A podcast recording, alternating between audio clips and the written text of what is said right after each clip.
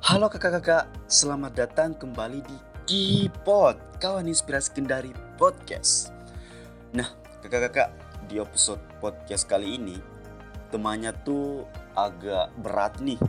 Tapi semoga aja tidak bikin hari-hari kamu makin berat ya. oh iya kakak-kakak, sebelumnya kenalin nama saya Radit dari Divisi Fasilitator Kawan Inspirasi Kendari. Dan tema kita hari ini yaitu tentang pelecehan atau kekerasan seksual pada anak. Tentunya untuk membahas ini kakak-kakak, saya tidak sendirian.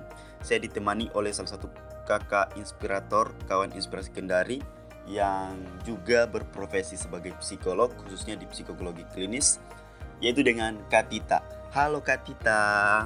Perkenalkan, nama saya Astri. Nama lengkapnya Astri Yunita, tapi biasa dipanggil Kak Eh, aktivitas atau kegiatan sehari-hari itu saya sebagai salah satu pengajar di jurusan psikologi UHO dan juga s- eh, sebagai be- berprofesi sebagai psikolog klinis gitu. Terus apa lagi? Mungkin eh, kesibukannya sekarang kesibukan ya kesibukan selain mengajar biasa juga eh, melakukan konseling kalau ada kalau ada klien biasanya juga ada konseling online sama eh, berkaitan dengan tema yang Radit ungkapkan tadi terkait kekerasan seksual pada anak. Kebetulan saya juga sebagai salah satu psikolog pendamping di Dinas Pemberdayaan Perempuan dan Perlindungan Anak di Oh. Kota Kendari. Oh, jadi mungkin akan sedikit banyak nanti share tentang kasus-kasus di Kota Kendari terkait eh, kekerasan dan pelecehan seksual Seksual. pada anak itu gambarannya seperti apa. Iya. Gitu, Dit. Em, jadi teman-teman semua itu eh, dari biografi dari Kak Tita sendiri. Biasa dipanggil Kak Tita ya? Iya, Kak Tita. Kak Tita.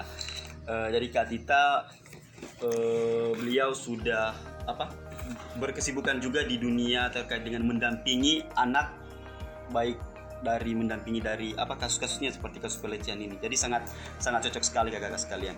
Eh, Kak Tita mungkin eh, sebelum kita masuk terlalu lebih jauh nih terkait kekerasan seksual pada anak, saya ingin ingin bertanya apa sih itu kekerasan seksual dan apa kayak bedanya antara kekerasan seksual sama pelecehan seksual itu? Oke. Iya. Sebenarnya eh, tidak tidak ada bedanya sih. Mak- Maksudnya kalau kekerasan seksual ya pasti sudah masuk di PA gitu. Oh iya. Jadi kalau secara definisi atau pengertian Hmm. eh, kekerasan seksual atau pelecehan seksual itu adalah setiap atau segala tindakan baik itu ucapan ataupun perlakuan yang dilakukan oleh seseorang untuk memanipulasi orang lain agar bisa membuatnya terlibat dalam aktivitas seksual yang tidak dikehendaki. Jadi kalau misalnya eh, tadi Radit tanya pelecehan seksual dan bedanya apa sama Hmm. kekerasan seksual, mungkin kalau kekerasan seksual dia bisa menimbulkan eh, jejak fisik, maksudnya korbannya. Kalau pelecehan mungkin hanya bisa berupa kayak ucapan, tapi itu sudah masuk ke dalam bentuk Kekerasan. bentuk pelecehan, Oh. bentuk pelanggaran seksual. Iya iya iya. Dan apa kalau kita bisa hubungkan dengan kondisi sekarang ya kak? Heeh. Eh, kadang eh, yang keras ke- kekerasan seksual sendiri juga terkadang tidak hanya terjadi secara langsung, mungkin bisa juga terjadi secara online ya karena di zaman sekarang ini Iya. kan. bisa bisa bisa sekali terjadi apalagi sekarang di kalangan uh, anak remaja bahkan Hmm. anak usia SD SD pun kan sudah punya gadget mereka Hmm. sudah punya media sosial jadi mungkin nanti akan akan lebih jauh dibahas. Nanti mungkin Adit bisa menanyakan bagaimana bentuk uh, pencegahan terjadinya Oh, iya. uh, pelecehan atau kekerasan seksual ya. Cara salah satu caranya adalah dengan adanya kontrol terhadap media sosial anak. Hmm, jadi eh, di sini peran orang tua juga untuk menangani anak untuk apa? Dapat merasakan kekerasan seksual itu harus ada pendampingan juga sendiri dari orang tua. Maksudnya kayak orang tua harus berperan penting juga begitu. Iya banget. Dari umur 0 sampai 18 tahun malah itu sudah harus di diajarkan kan ada ada apa pendidikan seksual anak sejak dini. Oh, iya, iya. Eh, ini sih kak, eh, eh, dalam kasus pelecehan seksual mungkin tidak secara keseluruhan ya, tapi Hmm. relatif itu para pelaku atau kebanyakan dari ya yang melakukan pelecehan itu sendiri adalah eh, dari orang-orang terdekat korban. Dari segi dari segi, segi psikologisnya mungkin itu kenapa sampai terjadi dan dan dan terkait dengan kakak yang berprofesi sebagai pendamping di apa DP3A Kota Kendari kasus di Kendari sendiri salah satu faktornya terbesarnya itu terkait dengan pelecehan seksual apa? Iya, eh, memang benar sih di yang yang Radit tanyakan di beberapa contoh kasus kekerasan dan pelecehan seksual anak di Kota Kendari itu mungkin eh, kalau kita angkakan itu misalnya dari lima kasus Hmm? tiga kasus itu pasti pelakunya adalah kerabat dekat korban entah itu om iya. kakak sepupu atau Hmm. tetangga jadi pasti orang yang yang yang dekat sama korban sehingga korban memang biasanya setiap hari berinteraksi dengan mereka gitu Iya. sehingga kan salah satu penyebab terjadinya kekerasan dan pelecehan seksual pada anak itu karena faktor gaya hidup dan kesulitan ekonomi keluarga yang menyebabkan eh, kedua orang tua baik ibu maupun bapak itu sama-sama bekerja Hmm. di luar rumah Oh iya. sehingga kontrol dan waktu pengawasan terhadap anak itu diserahkan sepenuhnya ke keluarga yang tinggal di rumahnya budaya budaya kita di di wilayah Indonesia Timur maupun di di, di Indonesia pada umumnya Hmm. kita kan tinggal dengan satu unit keluarga besar Iya, iya. bukan hanya unit keluarga inti saja Iya. kita kan ayah, a- ibu. ada ayah ibu ada kakek Kakak, iya. nenek Hmm. biasa juga kalau ada saudara orang tua Hmm. tinggal juga di rumah yang sama jadi banyak sekali dalam satu rumah itu banyak sekali individu di dalamnya Hmm. nah kenapa pelaku eh, biasanya tuh lebih banyak berasal dari kerabat atau orang yang kenal dekat dengan korban ya karena itu tadi em, selain dari karena faktor individu Hmm. individunya pelaku sendiri kan yang yang tidak mampu dalam mengontrol eh, nafsu atau Iya. atau keinginan seksualnya atau dia memang memiliki kelainan atau penyimpangan seksual karena Ah. biasanya pelaku juga berasal dari korban yang di masa lalu. Berarti kebanyakan eh, orang-orang yang menjadi pelaku pelecehan itu bisa jadi di masa lalunya pernah dilecehkan juga. Bisa jadi tapi tidak semua. Kalau Hmm. ka- kalau dilihat dari kasus bentuk kasusnya misalnya eh, pelecehan seksual kekerasan dan pelecehan seksual itu terjadi pada anak laki-laki dan pelakunya juga adalah laki-laki. Hmm. maka perlu di- ditelusuri lebih jauh apakah pelaku ini adalah korban Hmm. korban eh, pelecehan seksual dulu di- sebelumnya juga waktu dia kecil Hmm. pelaku sodomi kan biasanya Iya, begitu iya, iya. jadi itu kayak mata rantai yang tidak tidak bisa putus kalau kalau seperti itu Ja- sehingga fungsi keluarga harus dioptimalkan memang. Jadi jadi kayak benar sekali ya Kak Indah eh, peran orang tua untuk mengedukasi anak terkait dengan eh, apa? terkait dengan seks eh, terkait dengan otoritas dirinya sebagai penguasa dalam dirinya supaya dia bisa menjaga mana yang harus dijaga. Hal-hal yang yang yang privat bagi dirinya itu perlu di, di apa diedukasi sekali ya sama orang tua. Dan faktor kesibukan jadi eh, apa? Eh, tidak tidak apa tidak bisa mengontrol anak. pengawasan. Iya. Hal-hal apa yang akan pertama dilakukan sebagai penanganan awal mungkin? Oke, eh, kalau berbicara soal itu kan a- agak sulit kita untuk mengetahui bagaimana eh, seorang anak ini terken dia, dia adalah korban kekerasan atau pelec- pelecehan seksual.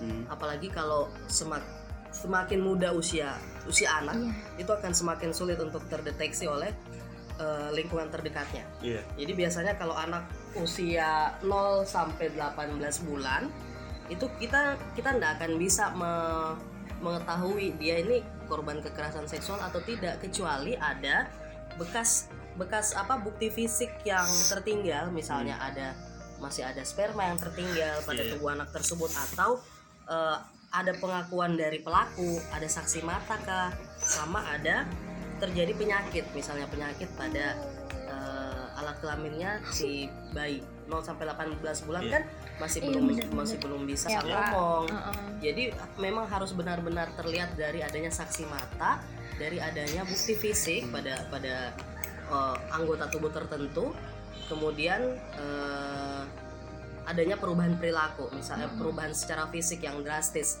Misalnya jadi sering rewel Oh. atau sering mengompol tiba-tiba. Yang biasanya tidak seperti itu. Sama juga dengan anak usia di bawah tiga tahun. Hmm. Nah anak usia di bawah tiga tahun ini kan biasanya dia belum mampu untuk berkomunikasi secara baik. Jadi eh, terdeteksinya ya dengan dengan dengan seperti itu pada misalnya pada saat kencing atau buang buang air kecil dia akan mengeluhkan sakit pada daerah Kemaluan. kemaluannya Hmm. entah itu pada ibunya atau pada orang yang yang merawat dia di rumah kemudian dari situ baru orang tua bisa mendeteksi kalaupun dia ditanya kenapa sakit deh di bagian itu dia tidak akan mampu menjelaskan karena Hmm. bahasanya belum bisa belum bisa mem- apa mengarah ke arah sana iya, iya. jadi misalnya dia akan eh, pada saat bermain dia mungkin akan me- mempraktekkan kejadian yang pernah dialami pada bonekanya mungkin Hmm. atau pada eh, pada saat dia menggambar Iya, itu iya. biasanya akan kelihatan baru bisa berangkat dari situ Oh. biasanya yang, yang baru bisa terdeteksi dengan baik kalau kita tanya itu anak usia sekolah anak usia TK dia baru bisa bercerita itu pun ada ketakutan pasti Hmm. karena dia takut disalahkan apalagi kalau pelakunya adalah keluarga atau kerabat dekatnya Iya, dia iya. pasti ada ancaman pasti ada ancaman dari orang tersebut kalau kamu bilang nanti diapakan gitu misalnya di, dipukul kah atau di masuk penjara jadi Hmm. kan masih ada intimidasi Jadi eh, de- apa? Untuk mendeteksi itu sendiri ada ada apa? Ada da- ini kan jelaskan tadi secara fisik. Heeh. Kalau kalau misalnya dari fisik mungkin kan pelecehan eh, kekerasan seksual tidak hanya tidak hanya dilakukan secara fisik. Iya.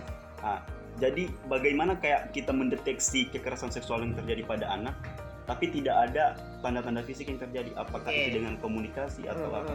Mungkin itu biasanya eh, terjadi pada saat anak mendapatkan pelecehan seksual Iya. misalnya kayak ejekan Iya. berupa berupa apa sebutan-sebutan yang tidak senonoh Hmm. dan lain sebagainya atau misalnya dia dikirimi video tertentu oleh Iya, iya. temannya di sekolah itu kan sudah masuk pelecehan Hmm. nah ya cara mendeteksinya itu bisa dilihat dari perubahan perilaku pada anak Hmm, kalau anak yang tadinya periang terus tiba-tiba dia pendiam itu itu bisa menjadi salah satu eh, warning atau eh, apa kita jadi bisa aware nih kenapa dia tiba-tiba berubah perilakunya Iya. tadinya dia periang apa ramah terus tiba-tiba nggak mau ke sekolah gitu pasti ada ada penyebab kemudian bisa juga dilihat dari perilakunya yang kayak nafsu makannya jadi berkurang atau Hmm.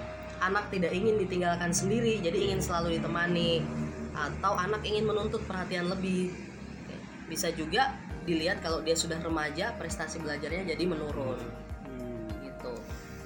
Jadi sang jadi untuk mendeteksi Mm-mm. itu sangat sangat gampang sekali ya kan ya Eh, terus untuk dampak secara berkelanjutan mungkin pada anak eh, pada usia anak terkena kekerasan seksual itu pada masa remaja sangat eh pada masa dewasa nanti apakah sangat Eh, secara secara mental mungkin Iya. Sebenarnya untuk kejadian kekerasan seksual itu kalau dia sudah bukan lagi ke tahapan pelecehan tapi sudah ada kekerasan Iya. di dalamnya yang meninggalkan bukti fisik, ya, Hmm. maksudnya jejak fisik pada diri si anak itu efeknya mungkin akan lama bagi anak ini, bagi individu ini. Jadi dia butuh pendampingan selama itu seumur hidup sampai dia dewasa karena efeknya pasti akan menetap karena ya memang ini apa kejadian yang sangat sangat berat yang bisa dialami oleh oleh seseorang baik itu laki-laki maupun perempuan karena itu berkaitan dengan eh, fungsinya nanti dia pada saat dewasa jadi bisa jadi pada saat dewasa dia akan menjadi aktif secara seksual atau malah sebaliknya dia jadi sama sekali tidak mau terlibat lagi dalam kegiatan atau aktivitas seksual.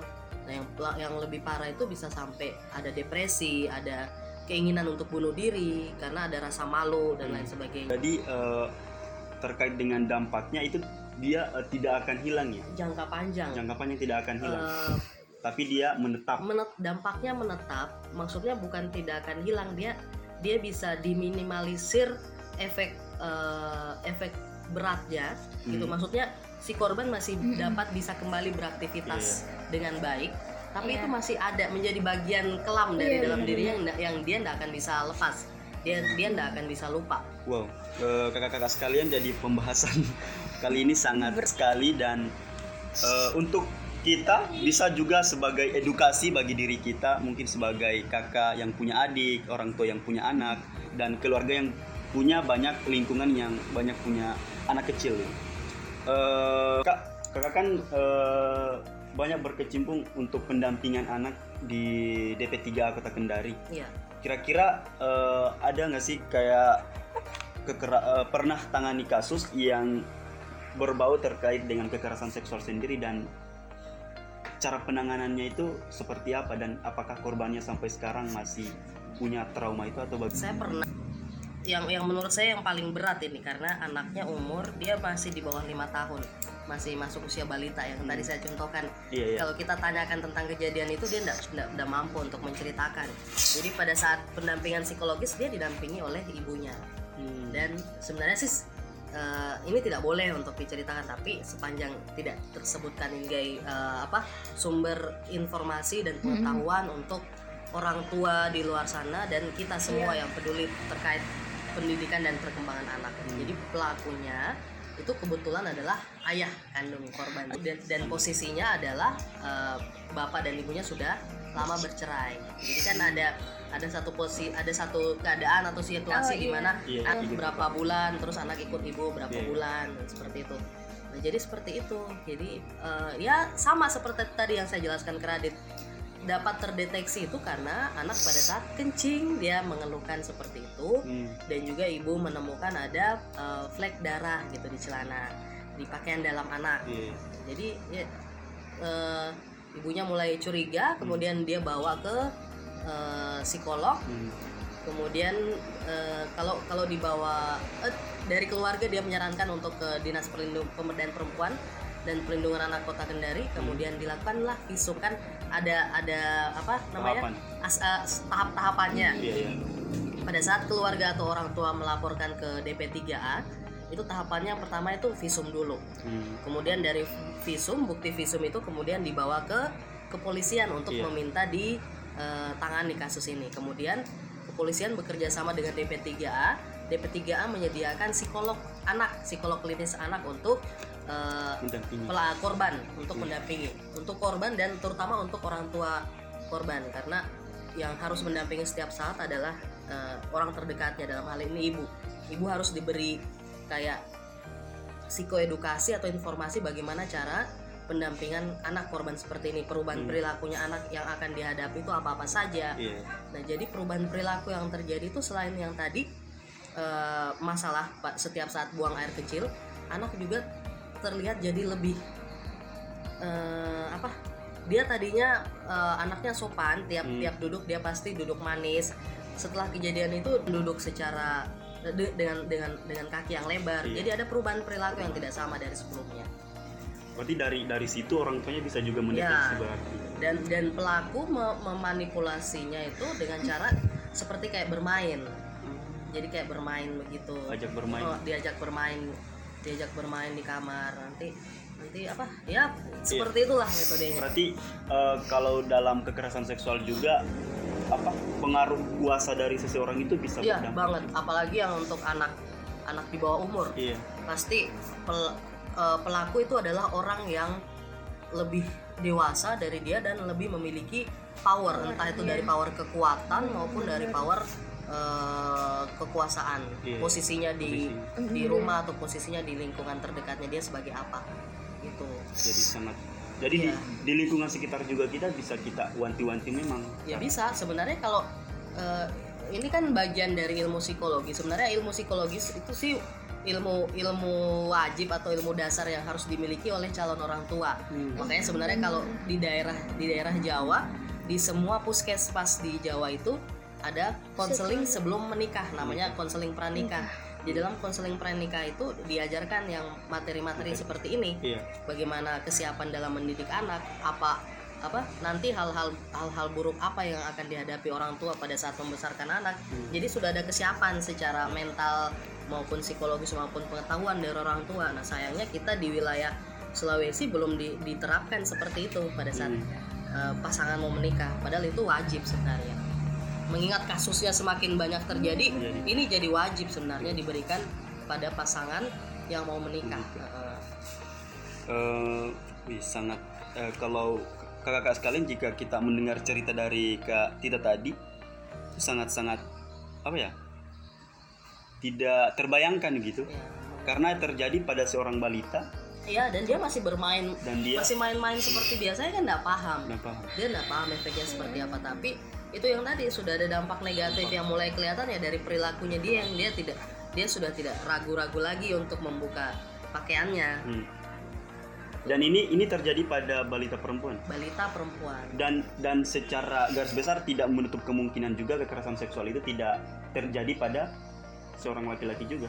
iya biasanya eh, korban dengan dengan apa korban dengan kekerasan dan pelecehan seksual itu yang dengan apa korbannya jenis kelamin laki-laki biasanya pelakunya itu adalah mereka yang mendapatkan kepuasan seksual dari berhubungan dengan sesama jenis Hmm, iya, iya. laki-laki. Iya, iya. Ini namanya kan sodomi, namanya Sodomi, sodomi. Nah, se- eh, sebag- sebagian besar itu pelaku sodomi ditelusuri masa kecilnya atau masa lalunya mereka juga adalah ternyata korban, Korban. sodomi Hmm, gitu. iya. Ya, terakhir kak, eh, jika kita apa kayak bayangkan kasus yang ada terjadi di Sultra dan yang kakak jelaskan tadi, seperti apa sih cara pencegahan yang harus dilakukan agar anak-anak itu tidak menjadi korban kekerasan seksual? Oke. Sebenarnya ini adalah tugas bersama. Hmm. tugas bersama. Maksud saya kalau kalau Kendari kan sudah ada wadahnya untuk menampung kasus-kasus seperti ini.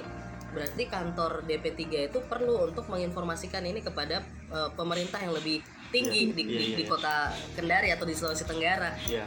Eh, Kan kan kayak jadi miris jadinya.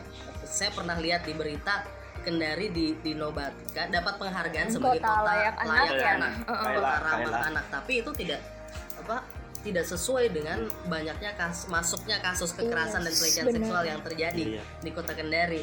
Jadi se- menurut saya masih belum ada koordinasi yang yang baik Hmm. antara eh, pihak yang menangani masalah ini dengan pemerintah pusat. Kalau pemerintah memang betul-betul ingin meng- mengkat terkait kasus ini, harus mulai di- digalakan pendidikan seksual anak sejak dini di sekolah-sekolah, di, di, pra- di sekolah TK maupun di sekolah SD. Kemudian masuk di di SMP itu sudah harus masuk tentang pendidikan reproduksi dan kesehatan reproduksi. Iya, iya. Padahal eh, sementara di di masyarakat kita di budaya timur hal-hal seperti masalah seksual, masalah tabu ya ah, masalah Tabu itu banget tabu ya, untuk kan? dibicarakan. Heeh. Kita masuk lagi ke stigma ya, Stigma. stigma dan Iya, yang beredar di masyarakat. Ah, Jadi kayak di masyarakat itu menganggap bahwa menjelaskan hal-hal seperti itu Iya. adalah suatu hal yang tidak tidak Nah, tidak lumrah. Orang tua juga jadi kaku mau menjelaskan Yes, itu ke anak benar karena banget, Kak. bentukan dari pola asuh sebelumnya yang dia nggak Iya. pernah dapatkan Iya. seperti itu.